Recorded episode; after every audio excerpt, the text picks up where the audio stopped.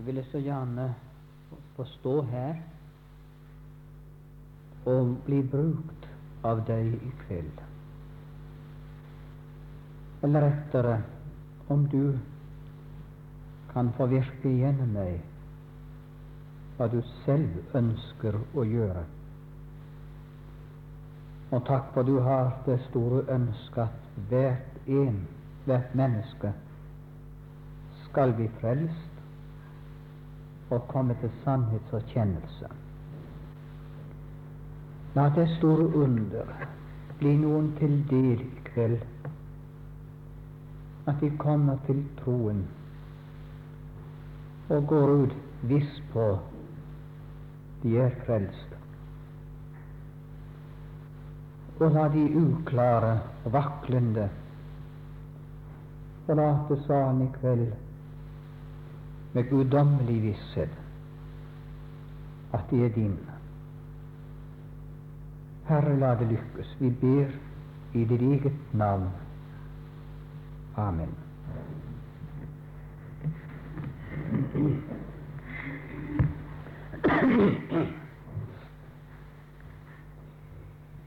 Ja, jeg tror at eh, emnet vi skal ha for oss i kveld, det må være villet av Gud. Og hvorfor jeg sier det, det er fordi at eh, forstander Foss Johnsen han har så å si heldigvis ikke prekt i kveld. Men han har lest opp nesten alle tekstene eller gudsordene som jeg skulle lese opp. Og det må være et tegn på at vi to og tre vitners sa skal en, vitner skal en sak stå fast. Så Gud mener noe med at vi skal være sammen om det i kveld. Det er noen som er kommet inn, som kanskje har det uklart. Kanskje går skjelvende. En dag tror de de er frelst, en annen dag ikke. Noen er kommet inn som i stillhet søker og ber og lengter etter klarhet, så de kan være viss at de er frelst. Og det var i første rekke slikne de ville hjelpe i kveld. Jeg skal iallfall lese ett ord som ikke ble tatt med. Og det er første Johannes brev, kapittel 4, vers 14. Vi vet at vi er gått over fra døden til livet. Sådan hadde de første kristne det. Vi vet det. De var full viss på det. At de var gått over fra døden til livet. Det er ikke alle som er enige om at man skal ha det så klart og være viss. En stund i landet her for år tilbake siden var det tegn på gammel, god norsk og til og med luthersk kristendom hvis de kunne helst leve i uvisshet og mørke og antektelse i det spørsmålet. Men nå skal du høre hva Luther sier. Du må være så viss på at du er frelst, at du kan dø på det tusen ganger. Det er luthersk. Og det er også bibelsk. For vi vet vi er gått over fra døden til livet. Du må være så viss på at du er frelst, at du kan dø på det tusen ganger. Det er annet ord som jeg skal lese. Det, det som alt er lest, men jeg må få ta det igjen. Herrer, hva skal jeg gjøre for å bli frelst? Fangevokterens spørsmål. De sa da, tro på den Herre Jesus, så skal du bli frelst, du og ditt hus. Og de talte Herrens ord til ham og til alle som var i hans hus.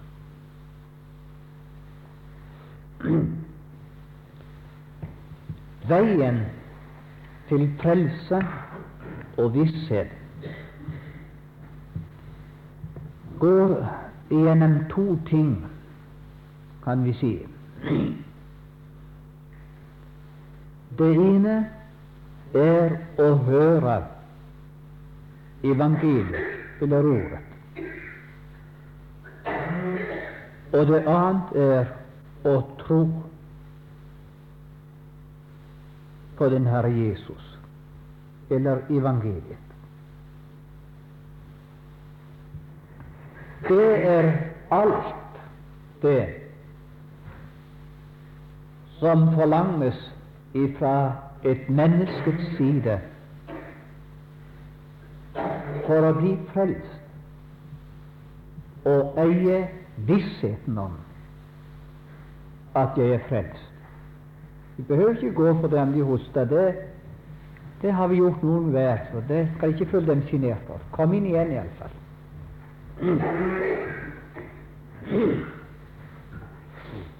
For eksempel i første, nei, i Johannes 5, 24 står disse ordene Sannelig, sannelig, sier jeg eder, den som hører og tror, har evig liv, videre. For det veien til frelse går gjennom å høre og tro.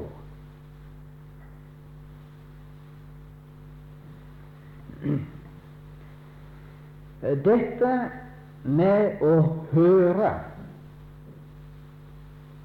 det har også med omvendelsen å gjøre. Når et menneske omvender seg, så betyr ikke det i første rekke at han skal slutte og slutte og slutte med den og med den og med den synd og synde De som forkynner omvendelsen der, forkynner feil. For det er ofte der et vaktkjempende menneske holder på og skal få bukt med sin vanesynd og andre ting. Og så har de ikke åndskraft til å seire og slutte med det. Omvendelsesforkynnelse etter bibelsk mønster og apostelgjerningenes mønster.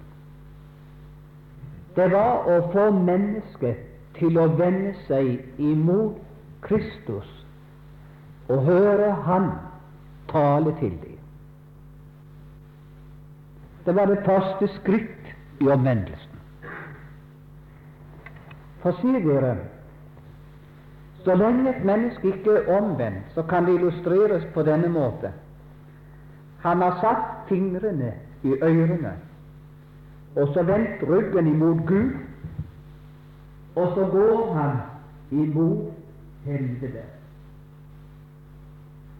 Omvendelse betyr at han skal kalles til å vende om imot Gud. Ta fingrene ut av ørene og så høre hva det er Gud vil.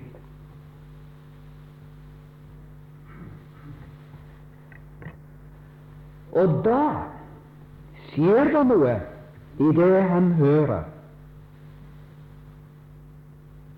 Det skjer det som ble lest i Romerbrevet 10, at troen kommer av hørelsen, og hørelsen ved Guds ord.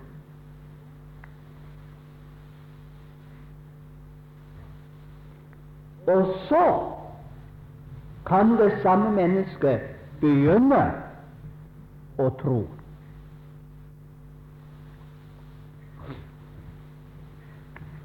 Det var på en søndagsskole de hadde for seg om eh, åpenbaringen eh, 3.20. Se, jeg står for døren og banker. Om noen hører min røst og åpner døren, da går jeg inn til ham og holder nade. Og så spurte læreren i klassen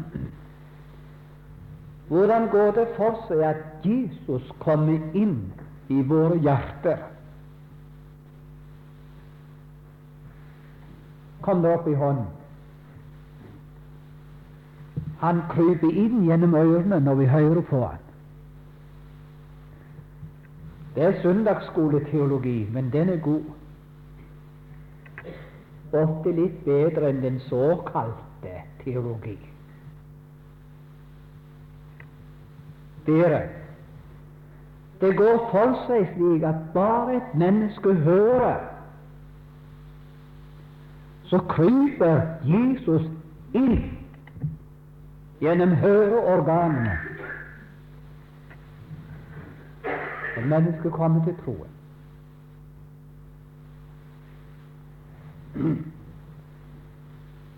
Nå er det Jeg er klar over at det er noe som heter levende tro og frelsende tro i det kristelige språk, og også at troen er en Guds gave. Men eh, nå vil jeg tale litt om tro. Og det er nå kommet til oss å si det går i grunnen imot at troen er en Guds gave, og går imot frelsende tro og levende tro. Men til slutt så skal vi få se at troen er slik, også er en Guds gave.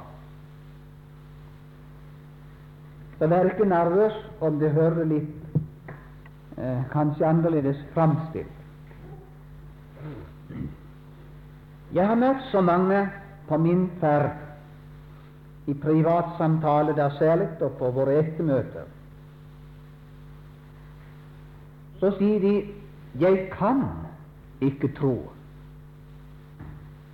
Jeg får det ikke til å tro. Eller det er så vanskelig å tro.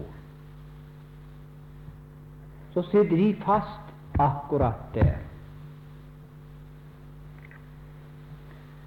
Nå skal vi se Det er noen ting som gjør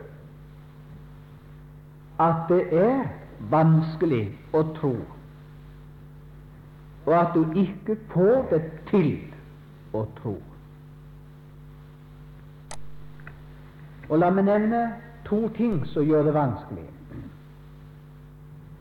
For det første man vil oppleve noe spesielt før man våger å tro.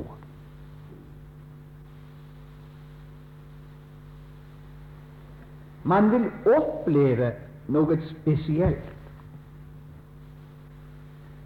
Og det man vil oppleve, er noe av de kristnes erfaring.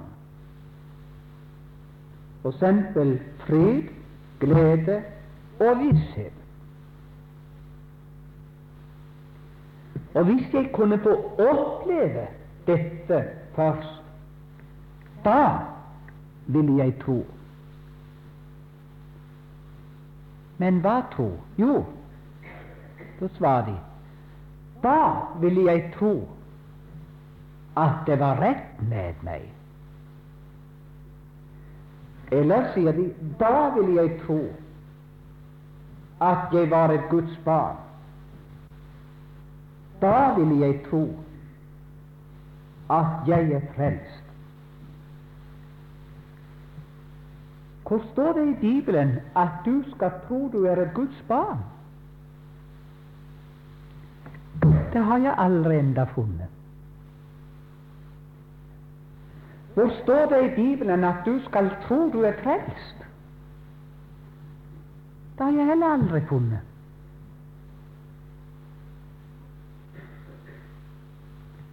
Er det akkurat der feilen ligger? Du holder på og vil tro noe om deg selv som Gud aldri har bedt deg om å tro på. For legg merke med svaret Paulus ga fangevokteren. Tro på den Herre Jesus. Og det er litt annerledes enn å tro noe om seg selv.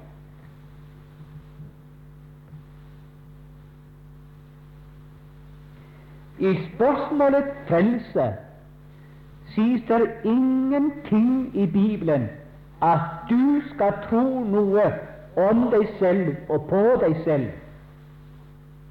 Bare tro på den Herre Jesus.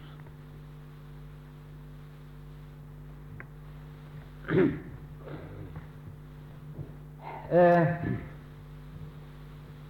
det Rosinius han har sagt i en av sine skrifter Begynn å tro før du kan tro.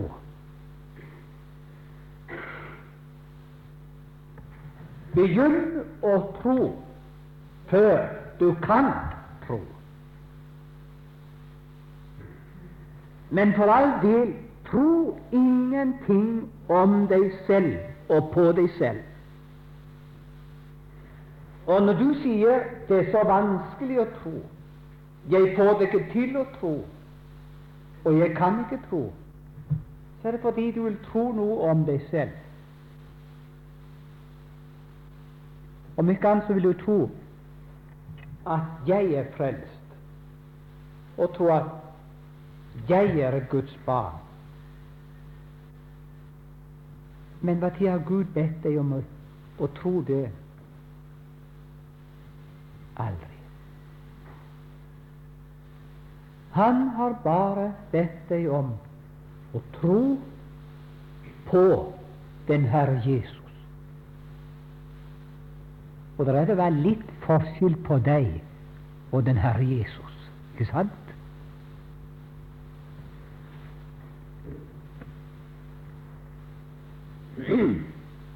Den andre vansker som mange sitter fast i, det de er mer opptatt med troen enn den gjenstand de skal tro på til frelse.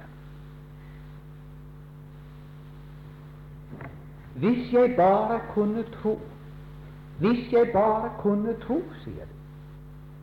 Hvis jeg bare fikk det til å tro så de opptatt med selve troen istedenfor å være opptatt med hva de skal tro på.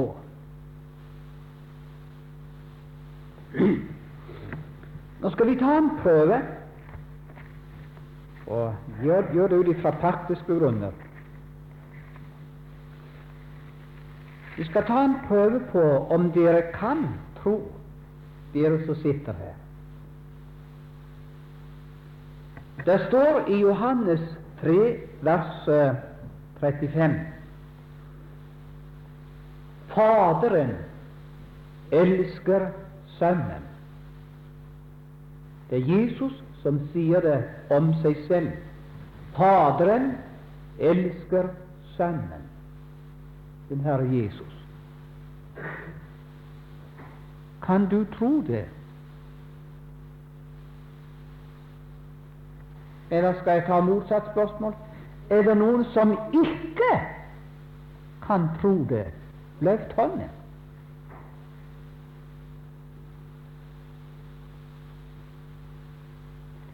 Ja vel, det var ingen hånd som kom opp. Etter det så har jeg lov å regne med at alle sammen kan tro det. Men da tror du på Jesus. For det er Jesus som sier det. Og den Jesus som taler sant i Johannes 3, 35 Han taler sant hvor han taler, og i alle spørsmål han taler. Så han er like god å stole på Johannes 3, 35, som eksempel eh, Romerbrevet 5, 4, er det vel, som vi hørte herifra. Eller var det 4, 5? Den som ikke har gjerninger, men tro på ham som rettferdiggjør den ugudelige. Han regnes hans tro til rettferdighet. Like godt å stole på det som på det. Venner, den der fare å være opptatt med troen istedenfor hvem og hva jeg skal tro på, den er ikke bare den frelsessøkende og den uvisse som plages av det, men endog eldre troende kjemper med. Jeg minnes for år tilbake siden Å ja, for tidens skyld la det gå ifra. Men det var en mann som kom en gang til doktor Torrey han ville få det godt med Gud og bli frelst. Og så beklagte han seg nettopp over det spørsmålet, doktor Torry, Jeg kan ikke tro. Jeg får det ikke til å tro. Så spurte doktor Torry hvem er det du ikke kan tro på. Nei, de forstår meg visst ikke. Jeg, jeg kan ikke få det til å tro. Hvem er det du ikke kan få det til å tro på? Sånn holdt han på, samme hva den stakkaren la til grunn for at han ikke kunne tro. Torg bare holdt han fast overfor spørsmålet hvem er det? Hva er det du ikke kan tro på? Og Så videre. Sitter du i forsamlingen som kjemper med troen, still deg akkurat det samme spørsmål. Hvem er det jeg ikke kan tro på? Og du ser det klart med en gang hvor feilen ligger. Disse vanskene dine er nettopp det er noe du kjemper med, som du ikke skal kjempe med. Det er troen du er opptatt med, istedenfor ham du skal tro på. For hør, når din tro klynger seg i tilgitt, overgivelse og utlevering til Kristus, så går det, går det ut en kraft ifra Kristus som atter igjen levendegjør din tro. Og så blir troen frelsende. Og så kan du få kalle den en Guds gave etterpå.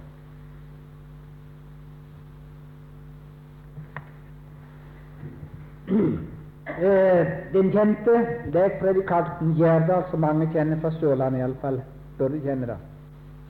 Var de eldre? Han brukte ofte en illustrasjon som er så veldig god. Han sa det slik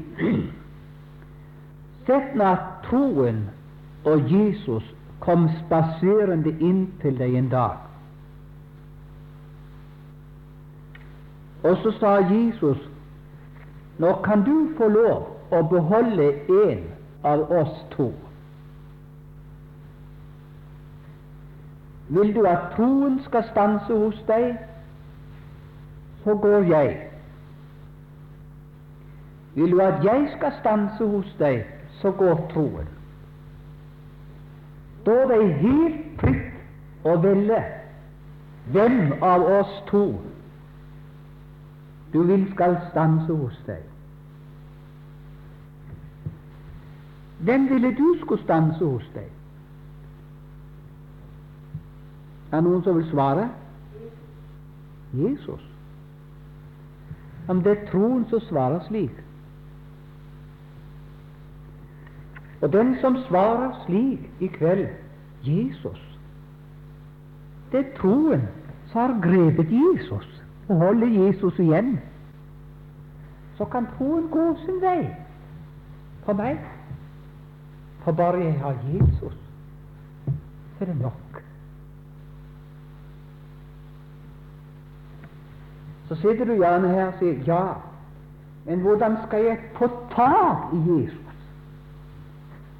Og hvordan skal min tro få feste i ham da? Da vil jeg gjøre deg oppmerksom på noe her. Si nå svaret som fangevokteren fikk. De sa da tro på den Herre Jesus, så skal du bli frelst, du og ditt hus. God natt, fangevokter.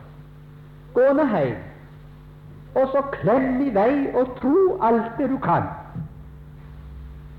Men glem bare ikke å tro på den Herre Jesus. Ja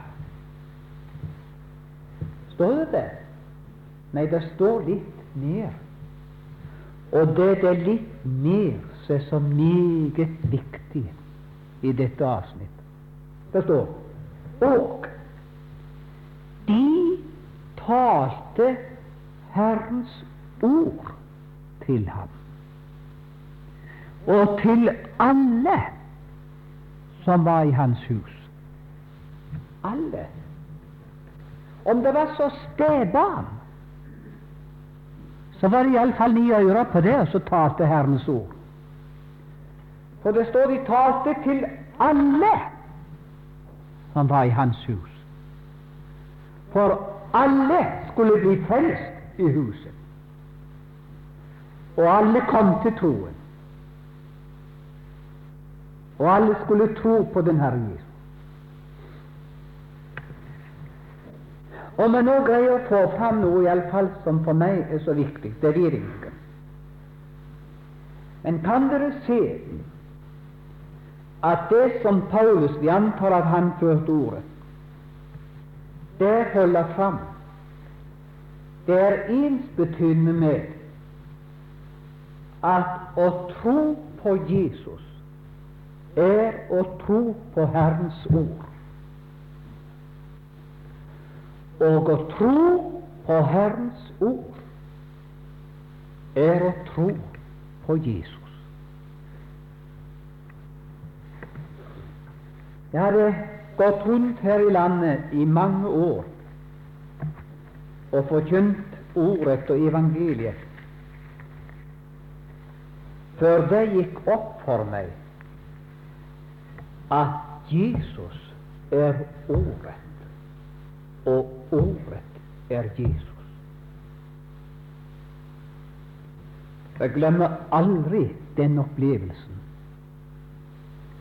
det var i det gamle lokal i Oslo, Lille Indremisjon, jeg sa jeg skal ikke skildre den opplevelsen. Men fra da av ga Gud meg en ny bibel, billedlig talt, å forkynne for vårt folk. Jesus er i Ordet, og Ordet er Jesus. Den høvedsmann som kom til Jesus med drengen som skulle bli helbredet, så, så sa Jesus 'Jeg skal komme og helbrede ham'. Å nei, det er ikke nødvendig, det. For jeg er for ringe til at du tar inn i mitt tak, under mitt tak. Men si bare ett ord, så blir min dreng helbredet. Enten du er til stede, eller et ord ifra deg er til stede, det er like godt. Det er ikke undre at Jesus sa sannelig en så stor tro i Israel har jeg ikke engang funnet. Den store tro bestod i at han så at Jesus og Ordet var det samme.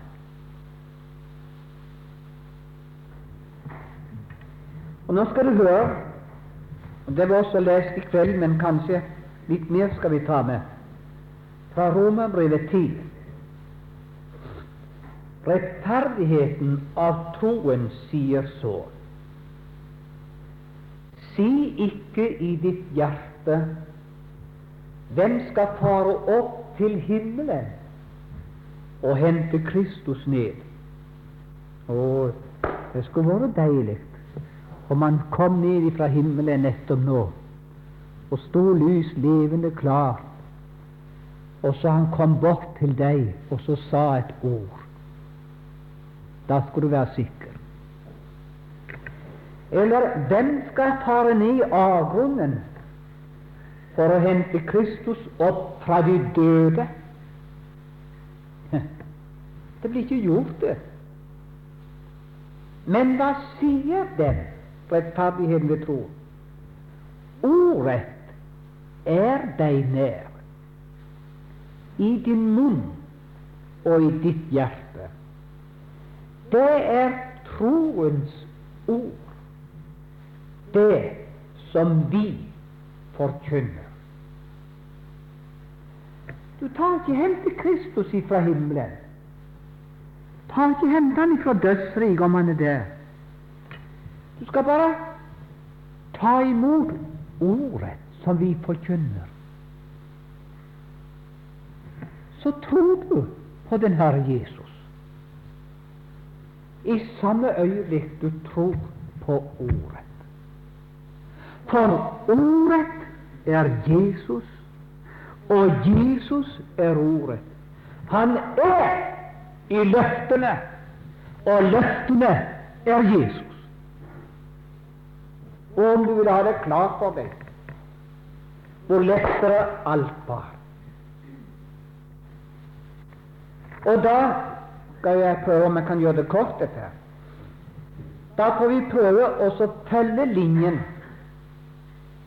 som Paulus fulgte da han talte til fangevoktere, nemlig lignen og så tale Herrens ord nettopp til deg som sitter her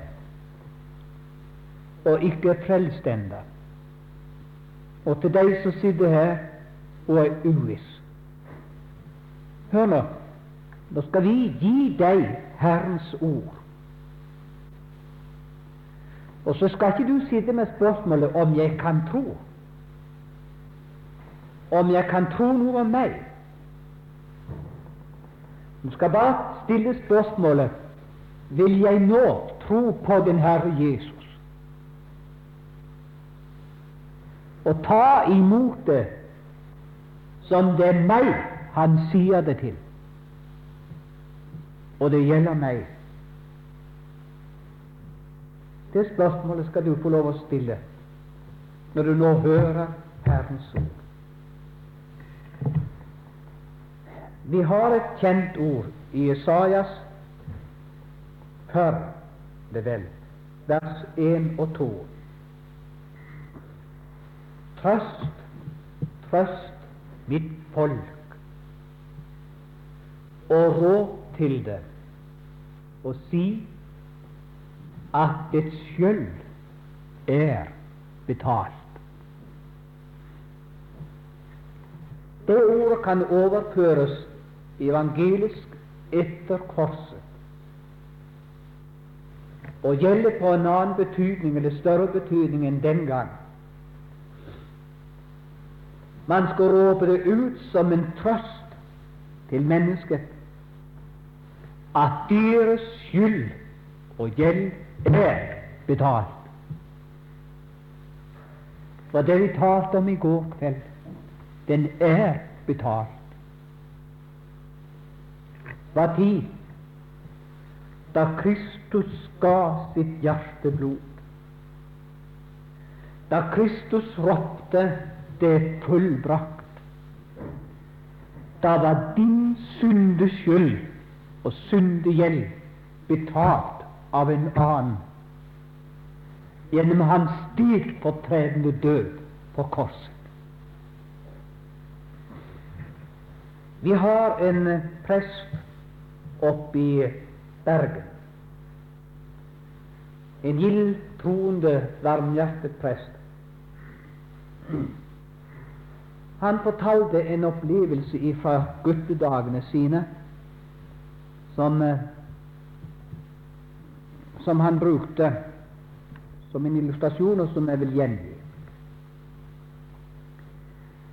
Han vokste opp i byen, i byens utkant, nærmere da, og som gutter flest var de ute og lekte om kvelden i gaten. Og der gjorde han seg skyldig i å knuse ei stor speilglassrute. Han visste med en gang at det var far som måtte stå inne for den. Og han visste også at han var den skyldige og måtte ta sin straff for det. i så istedenfor å gå hjem den kvelden, så rømte han på den andre kanten av byen og gjemte seg der. I sine timer kom, gatene ble tommere og tommere, og så begynte natten å sige på, og gatene enda tommere. Kom der en, så passet han på enten gjemme seg ned i et kjellersmubb eller bak et hjørne og inn i et, i et lite gapehukk, sånn som det var så mye av. Så lå han sånn i en kjellertrapp og kjempet. Hva skal jeg gjøre? Skal jeg våge å gå hjem? Nei, speilglassruten står i vei. Ja, men kjære, heime venter de på deg, og heime leter de etter deg, gjerne. Og så, hvordan skal det gå deg om natten her? Og så kan politiet finne deg, og finne deg sovende. Hva skal jeg? kjente det i ungguttens hjerte. Så hørte han kjente trinn borti gaten. Og så kikket han opp. Jo, sannelig, der er far. Så ser han far stoppet i et stort gatekryss og vender seg og ser og speider til alle kanter. Så brøt det for alvor der inne. Hva skal jeg? Skal jeg komme fram og vise meg for far? Skal jeg våge å springe i hans armer og bekjenne hva jeg har gjort? Det siste seiret. Han kom seg opp av kjellertappen, begynte å gå skjelvende bortover imot far. Men når far fikk øye på han, så sprang han gledesstrålende imot gutten sin, slo hendene om han, så sa far Anton, ruten er alt betalt. Anton, ruten er alt betalt. Så sa Anton senere det er det vakreste ord jeg har hørt av fars munn. Det går aldri ifra meg. Himmelens Gud står i evangeliet i kveld og forkynner akkurat det samme til deg. Anton, eller hva du heter, ruten er betalt. Tror du Anton tvilte på far? Og bare en ting å gjøre ta far fast i hånden og følge han hjem. Gjør du det samme i kveld? For løftene kan ikke svikte. Nei, de står evig fast. Eller vi tar det kjente ord i 1. Johannes brev, kapittel 1, vers 9. Dersom vi bekjenner våre synder, da er Han trofast og rettferdig, så han forlater oss syndene. Jeg skal knytte to illustrasjoner eller opplevelser til.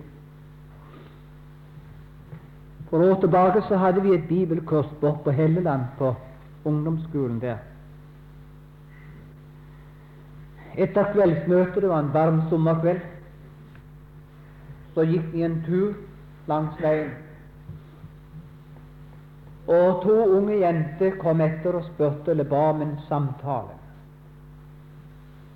Den ene var en lykkelig kristen, den annen var disse uklare. Og meningen var vi skulle hjelpe henne. Så falt meg inn og så spørre først hvor hun var ifra, og spurte neste spørsmål er det lenge siden du bestemte deg? Det er fire år siden, sa hun. Må jeg så få spørre deg, hvor har du gått av med din synd i disse fire år?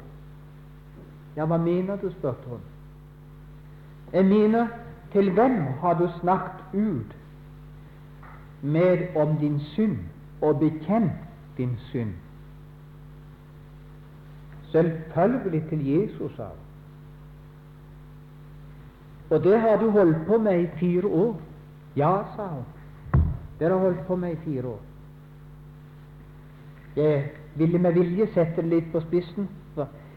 Ja, er det virkelig at du har holdt på med det i fire år? Ja, sa hun. Så ble hun òg litt ivrig. Det er ikke farlig om du blir ivrig da. Ja, så ja. Men da får vi se hva Jesus har gjort i fire år. Så slo jeg opp 1. Johannes 1, 9. Dersom vi bekjenner våre synder i fire år Hva har Han gjort i fire år? Les videre. Trofast og rettferdig, så Han forlater. Ser du? dersom vi bekjenner i fire år hva har han gjort i fire år Han har forlatt seg i fire år. Så sto midt på veien, og så slo hun hendene sammen og så sa han Og gudskjelov, så har jeg vært frelst i fire år og ser det først i kveld. Hva var forskjellen? Da var det Guds ord som hun gjorde til sin visshet. Tidligere var det troen og opplevelsene og erfaringene. Ville kjenne og oppleve og noe som hun kunne tro om seg selv. Men nå var det Ordet som viste henne og ga henne vissheten. Mange år har du gått til Jesus med din synd, unge troende. Hør, dersom jeg går i fem måneder, i to år, i tre år, i ti år, i 50 år, i 60, i 99 år og bekjenner, så forlater han. Løftene kan ikke svikte dersom vi bekjenner. Han forlater. Det var redaktør Lavik, Johs Lavik av Dagen. Han fortalte så fint en gang han skulle gå til kontor en morgen. Og så innhentet han to skolepiker som han gikk bak, og hørte den ene prøvkjørte den annen i dagens religionslekse. Og leksen bestod bl.a. i at de skulle lære, eller kunne, dette verset utenat. Dersom vi bekjenner våre synder, da Han trofast og rettferdig så han forlater oss syndere. Jaha, så leste den ene opp. Dersom vi bekjenner våre syndere, han trofast og rettferdig, så han renser oss fra all urettferdighet. Nei, stopp, sa den annen. Du kan ikke leksen, du, sa jeg. Jo, sa hun, så på han igjen. Dersom vi bekjenner våre syndere, han trofast og rettferdig, så han renser oss fra all urettferdighet. Nei, stopp, du kan ikke leksen. Nå skal du høre. Dersom vi bekjenner våre synder, er Han trofast og rettferdig, så Han forlater oss våre synder og renser oss fra all urettferdighet. Du glemte det viktigste, sa småjenta til en annen. Så sa Jo Slavik, det er den beste prek jeg har fått på mange år. Du glemmer det viktigste. Det er viktig og gå veien til Jesus med sine synder. Men det viktigste det er at han forlater. La det være så uklart det være vil. Ta det ordet til din visshet i kveld. Gå hjem på det. Liv på det. Tro på det. Og det skal holde for løftene kan ikke svikte. Og Jesus er i ordet, og ordet er Jesus. Den som tror på ordet, tror på Jesus. Og den som tror på Jesus, tror på ordet. Herre, velsign da våre hjerter, og la Den hellige ånd fremdeles gi oss opplysning til å fatte og forstå evangeliet. Amen.